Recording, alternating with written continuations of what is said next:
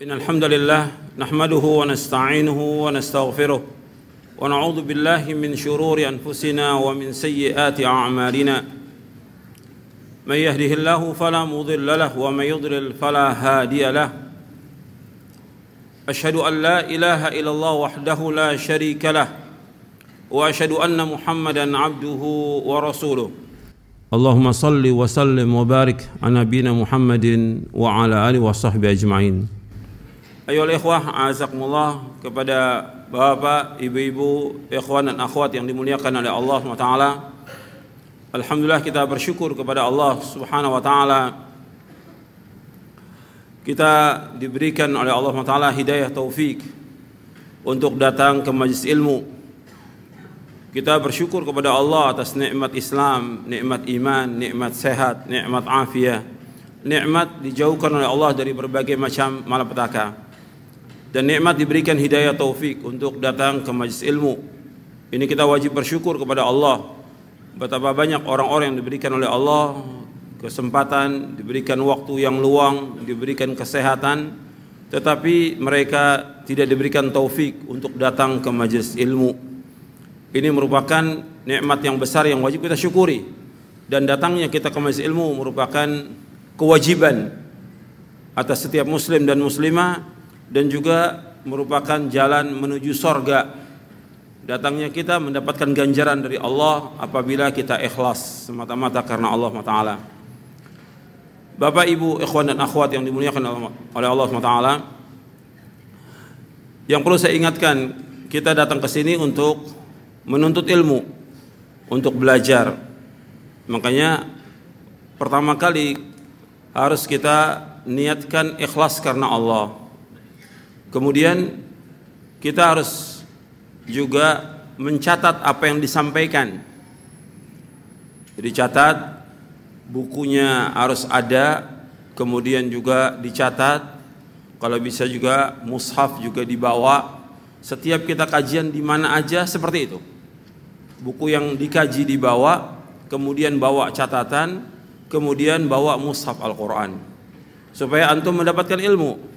Kalau cuma duduk aja, dengarkan, mengandalkan telinga, nggak akan dapat itu ilmu. Dari dua jam yang disampaikan mungkin yang masuk 10 menit. Sayang. Jadi antum datang dari tempat yang jauh harus punya buku, punya kitab. Kemudian juga punya catatan. Sebab yang menyuruh untuk mencatat Rasulullah wasallam. Nabi bersabda SAW, qayyidul ilma bil kitab. Ikatlah ilmu itu dengan tulisan.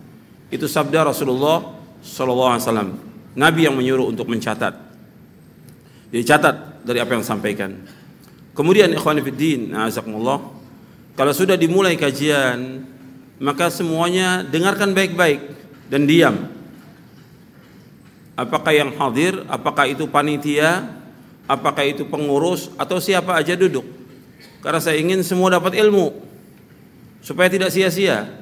Jangan kita capek ngurusin orang nggak dapat ilmu. Dan ini sering terjadi.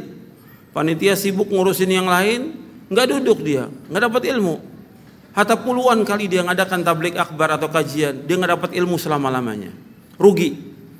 Jadi saya ingatkan kepada panitia ikhwan atau akhwat, duduk dan dengarkan. Duduk, dengarkan baik-baik supaya dapat ilmu. Jangan ngurus keropak, jangan ngurus yang lain. Dengarkan baik-baik supaya dapat ilmu.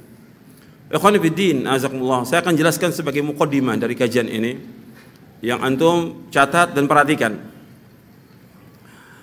Agama Islam yang kita menganut agama ini diberikan hidayah masuk ke dalam agama ini merupakan agama yang hak, agama yang benar, agama yang diridhoi oleh Allah Taala. Dan agama ini sumbernya adalah Al-Quran dan Sunnah. Ini harus kita ingat ini, bahwa sumbernya Quran dan Sunnah. Yang kita kaji, yang kita pelajari, yang kita bahas, enggak lepas daripada Quran dan Sunnah. Dan ini harus sering diulang-ulang. Bukan kata ustadz, bukan kata kiai, bukan kata habib, bukan kata ulama, bukan kata syekh. Tapi kata dalil, Quran dan Sunnah. Karena Allah Taala mengaitkan tentang petunjuk tentang hidayah dengan dalil dari Quran dan Sunnah. Allah menyebutkan dalam surah Taha, "Faman ittaba hudaya fala yadhillu wa la yashqa." Barang siapa yang mengikuti petunjukku, maka dia tidak akan sesat dan dia tidak akan celaka. Kalau mengikuti petunjuk Allah, berarti dasarnya apa? Dasarnya apa? Dalil dari Quran dan Sunnah, nggak ada yang lain. Famanittaba hudaya fala yadhillu wa la yashqa. Barang siapa yang mengikuti petunjukku, maka dia tidak akan sesat dan tidak akan celaka. Kalau dia yang tanya, dalilnya antum lihat di surah Toha. Makanya mushaf itu harus dibawa supaya jelas. Allah menyebutkan dalam surah Toha di ayat 123 Antum lihat.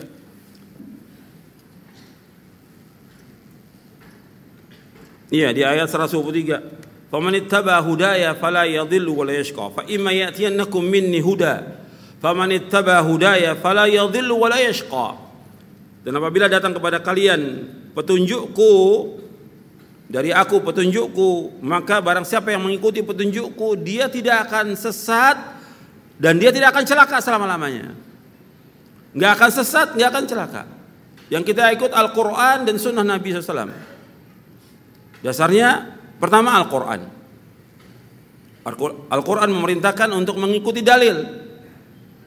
Dalil yang lain dari Al-Quran juga yang menyuruh mengikuti apa yang dibawa oleh Nabi Muhammad SAW. Allah berfirman dalam surah Al-Hasyr, surah 59 ayat 7. Allah berfirman, "Wa ma atakumur rasulu fakhudhuhu wa ma nahakum anhu fantahu. Wattaqullah innallaha syadidul iqab. Apa saja yang datang kepada kamu dari Rasul kamu ambil. Apa yang dilarang kamu tinggalkan. Bertakwalah kepada Allah sesungguhnya Allah itu sangat keras siksanya.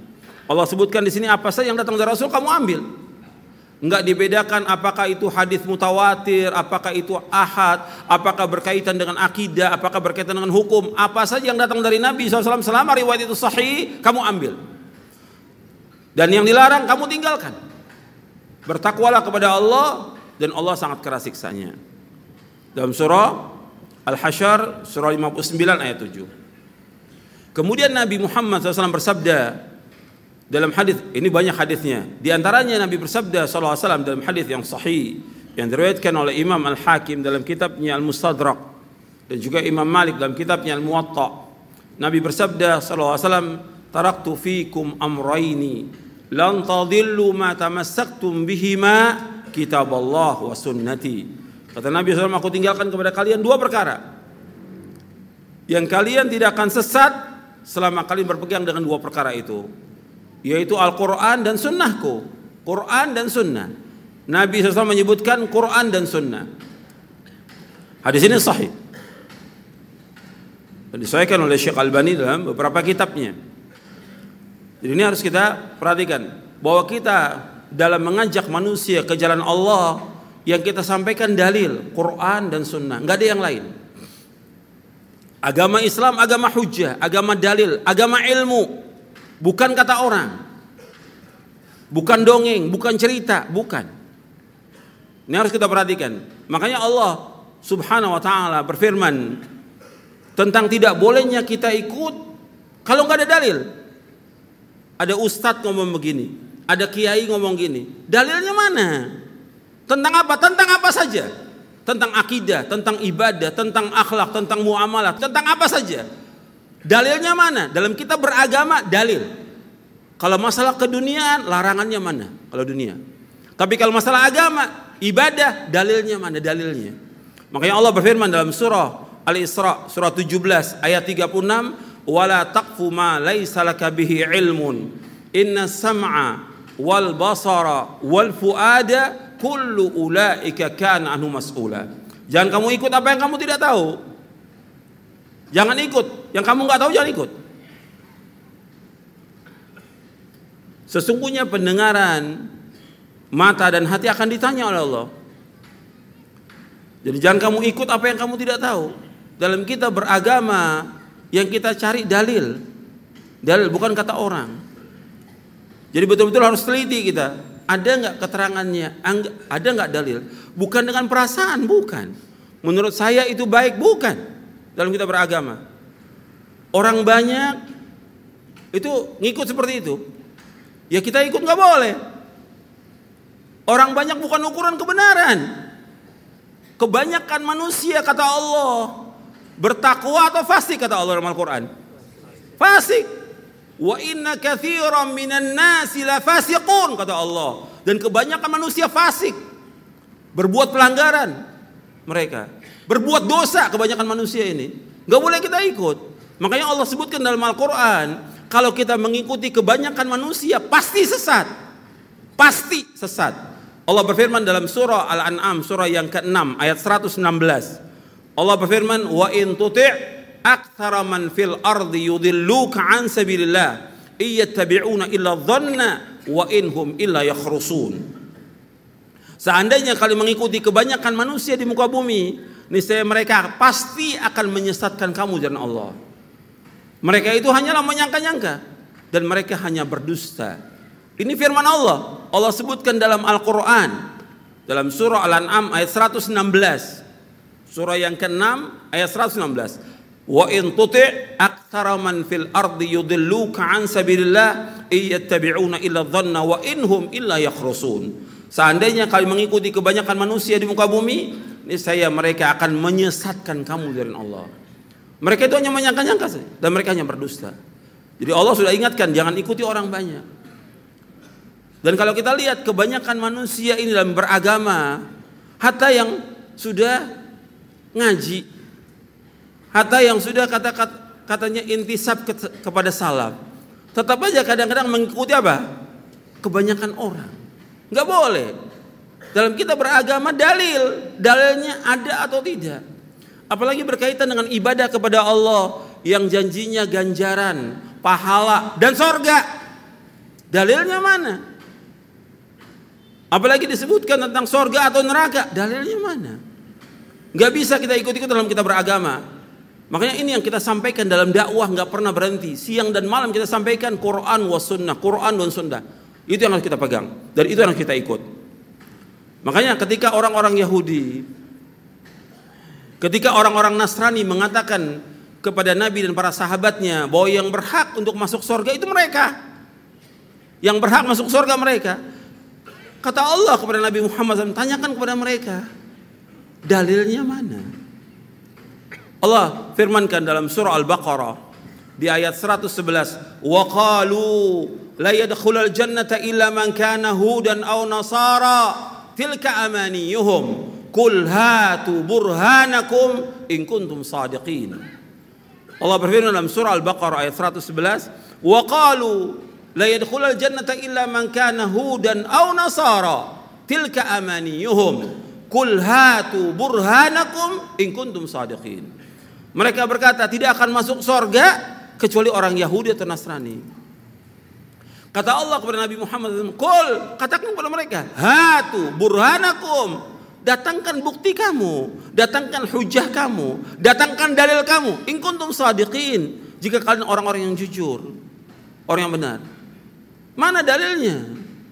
Gak ada dalil. Mereka nggak punya hujah sama sekali. Justru yang ada dengan mengikuti agama Islam ini justru orang akan masuk sorga. Kalau mengikuti agama Nasrani atau Yahudi dan mereka tidak ikut agama Islam setelah diutus Nabi Muhammad SAW pasti mereka masuk neraka. Pasti pasti itu. Kenapa? Dasarnya ayat Al-Quran dan juga dasarnya hadis Nabi yang sahih. Nabi Allah berfirman, "Innal ladzina kafaru min ahli al-kitab wal musyrikin fi nari jahannam khalidina fiha ulaika hum syarrul bariyah. Sesungguhnya orang-orang kafir dari Ahlul Kitab. Ahlul Kitab siapa? Yahudi Nasrani. Dan kaum musyrikin. Tempat tinggal mereka kata Allah di neraka jahanam, kekal mereka dalam neraka jahanam dan mereka sejelek-jelek makhluk di muka bumi ini. Dan Nabi juga bersabda SAW dalam hadis yang sahih yang diriwayatkan oleh Imam Muslim dalam sahihnya dari sahabat Abu Hurairah radhiyallahu an. Waladhi nafsu Muhammadin biyadihi la yasma'u bi ahadun min hadhil ummati yahudiyyun aw nasraniyyun thumma yamut wa lam yu'min billadhi ursiltu bihi illa kana min ashabin nar. Demi Allah yang diri Muhammad di tangannya tidaklah mendengar aku diutus siapa saja, apakah dia Yahudi atau dia Nasrani, kemudian dia mati dalam keadaan tidak beriman dengan apa yang aku bawa, maka dia pasti menjadi penghuni neraka. Pasti. Hadis ini sahih diriwayatkan oleh Muslim. Ini harus kita pahami seperti ini. Agama Islam satu agama yang hak dan Islam itu sumbernya dalil dari Quran dan Sunnah. Itu yang pertama. Yang kedua, yang kedua, Al-Quran dan Sunnah yang kita kaji, yang kita bahas, yang merupakan dalil untuk kita berpijak dalam kita beragama ini, ya harus dipahami dengan pemahaman para sahabat. Harus dipahami dengan para sahabat karena mereka lah yang paham tentang Al-Quran, mereka lah yang paham tentang Sunnah Nabi Sallallahu Alaihi Wasallam. Mereka yang paham tentang Quran, mereka yang paham tentang Sunnah Nabi SAW. Karena itu Allah Subhanahu Wa Taala mengkaitkan antara mengikuti Rasulullah dan juga mengikuti para sahabat radhiyallahu anhum ajma'in. Para sahabat diberikan oleh Allah SWT keutamaan mereka menemani Rasulullah wasallam. Mereka berjihad, beriman, berjihad, hijrah dan yang lainnya. Mereka punya keutamaan yang tidak dimiliki oleh siapa pun juga di muka bumi ini. Generasi para sahabat tidak pernah ada sebelum Nabi Muhammad SAW dan tidak pernah akan ada lagi sampai hari kiamat. Generasi yang Allah pilih untuk menemani Rasulullah SAW. Makanya ketika mereka itu infak atau sedekah sebesar telapak tangan, kita sekarang ini infak sebesar gunung Uhud berupa emas belum bisa mencapai derajat sahabat. Dalam hadis yang sahih yang diriwayatkan oleh Imam Bukhari, Muslim dan yang lainnya Nabi bersabda, "La tasubbu ashabi Falau anna ahadakum anfaqa mithla uhudin dhahaba ma balagha mudahadim wala nasifa. Kata Nabi SAW, jangan kalian mencaci maki sahabatku, jangan mencaci maki sahabatku. Jangan mencela sahabatku. Kalau seandainya seorang dari kalian infak sebesar gunung Uhud berupa emas, itu belum bisa mencapai derajat sahabat yang infak sebesar dua telapak tangan. Wala nasifah, separuhnya pun tidak. Hadis ini sahih Bukhari, Muslim dan yang lainnya. Artinya kalau sahabat infak berupa makanan sebesar kedua telapak tangan, kita sekarang infak sebesar gunung belum bisa mencapai derajat sahabat. Karena apa? Karena imannya mereka, karena yakinnya mereka, karena ikhlasnya mereka dan yang lainnya. Sahabat merupakan sebaik-baik umat. Kata Nabi SAW, khairu ummati qarni thumma alladhina yalunahum thumma alladhina yalunahum sebaik-baik masa pada masaku ini. Kemudian yang sesudahnya, kemudian yang sudahnya. Di masa yang terbaik, yaitu masanya Rasulullah. Itu masanya para sahabat. Kemudian sudahnya tabi'in, kemudian sudahnya para tabi'in. Ketika disebutkan sebaik-baik umatku, atau khairu ummati sebaik-baik umatku, atau khairukum sebaik-baik kalian, itu kebaikan mereka bukan tentang wajahnya, Bukan tentang tubuhnya, bukan tentang rumahnya, bukan tentang kendaraannya, bukan tentang hartanya, tapi kebaikan berkaitan dengan apa? Dengan akidahnya mereka, dengan ilmunya mereka, pemahamannya mereka, akhlaknya mereka, dakwahnya mereka. Mereka yang terbaik dari semua manusia yang ada di muka bumi ini. Kalau Nabi sudah menyebutkan khairu ummati qarni, sebaik-baik umatku pada masaku ini. Baik tentang apanya? Tentang akidahnya, tentang tauhidnya kepada Allah, tentang imannya kepada Allah, tentang apa? Tentang ilmunya, tentang pemahamannya, tentang akhlaknya, tentang dakwahnya, tentang kehidupannya. Mereka yang terbaik dari semua umat. Makanya mereka dijamin semuanya dengan sorga. Allah menyebutkan dalam surah Al-Hadid ayat 10 wa kullan wa'adallahu husna semua mereka kami janjikan dengan sorga dijanjikan dengan sorga jadi para sahabat merupakan sebaik-baik manusia makanya Allah menyuruh kita untuk mengikuti jejak mereka, mengikuti pemahaman mereka. Allah yang merintahkan demikian. Karena itu ketika orang tidak mengikuti pemahamannya para sahabat, pasti sesat, pasti sesat. Allah berfirman dalam surah An-Nisa, surah yang keempat, di ayat 115. Allah berfirman, "Wa man yushaqiqir rasula min ba'di ma tabayyana lahul huda wa yattabi' ghaira sabilil mu'minin nuwallihi ma tawalla wa nuslihi jahannam wa sa'at masira. Dan barang siapa yang menentang Rasul sudah jelas baginya petunjuk dan mengikuti jalan selain jalan kaum mukminin, maka kami akan biarkan dia sesat dan kami akan masukkan dia ke neraka jahanam dan jahanam sejelek tempat kembali. Ketika Allah menyebutkan barang siapa yang menentang Rasul sesudah jelas bagi yang petunjuk dan mengikuti jalan selain jalan kaum mukminin. Jalan kaum mukminin, antum perhatikan di sini. Yang beriman pertama kali kepada Rasulullah siapa? Sahabat, nggak ada yang lain, nggak ada. Yang beriman pertama kali kepada Rasulullah SAW para sahabat radhiyallahu anhum ajmain dari kalangan muhajirin dan ansar dan juga yang lain yang datang yang beriman kepada Rasulullah SAW. Kata Allah barang siapa yang menentang Rasul SAW dan mengikuti jalan selain jalannya para sahabat. Jalan orang beriman, jalannya para sahabat, nggak ada yang lain. Yang beriman pada saat itu kepada Nabi, para sahabat. Dia tidak mau mengikuti jalannya para sahabat, tidak mau mengikuti pemahaman mereka, tidak mau mengikuti cara beragama para sahabat. Apa kata Allah dalam Al-Quran? Nuwallihi matawalla. Kami biarkan dia sesat. Kemudian Wa nuslihi jahannam, kami akan masukkan dia ke neraka jahannam. Dan jahannam itu sejelek-jelek tempat kembali. Jadi wajib mengikuti para sahabat wajib. Al-Quran wa sunnah ala fahmi salam. Makanya dikatakan oleh Al-Imam Ibn Qayyim di dalam kitabnya I'lamul Muwaqqi'in. Kata beliau, tegaknya dan tonggaknya agama ini berdiri di atas dua tonggak. Yang pertama yaitu husnul qasad yang kedua sehatul faham. Kata Al-Imam Qayyim dalam kitabnya Alamul Muwaqqi'in. Kata beliau rahimahullah bahwa tonggak agama ini ditegakkan di atas dua. Pertama yaitu husnul qasad. Yang kedua sehatul faham. Yang pertama yaitu husnul qasad. Artinya kita dalam kita beragama wajib ikhlas karena Allah. Tanpa keikhlasan gak ada manfaat semuanya. Kita nuntut ilmu harus ikhlas, kita mengajar harus ikhlas, kita sedekah harus ikhlas, kita melakukan apa saja semuanya harus ikhlas karena Allah. Husnul qasad. Tanpa keikhlasan nggak akan diterima. Karena itulah agama, tegaknya agama dengan ikhlas. Itu yang pertama. Kalau nggak ada ikhlas nggak akan diterima. Karena amal tergantung dari keikhlasan. Innamal amalu bin niat wa innamal likulli imri'im manawa. Amal-amal tergantung daripada niatnya dan seorang akan dapat Tergantung dari apa? Niatnya. Sekarang umpamanya dia ngaji ke tempat ini.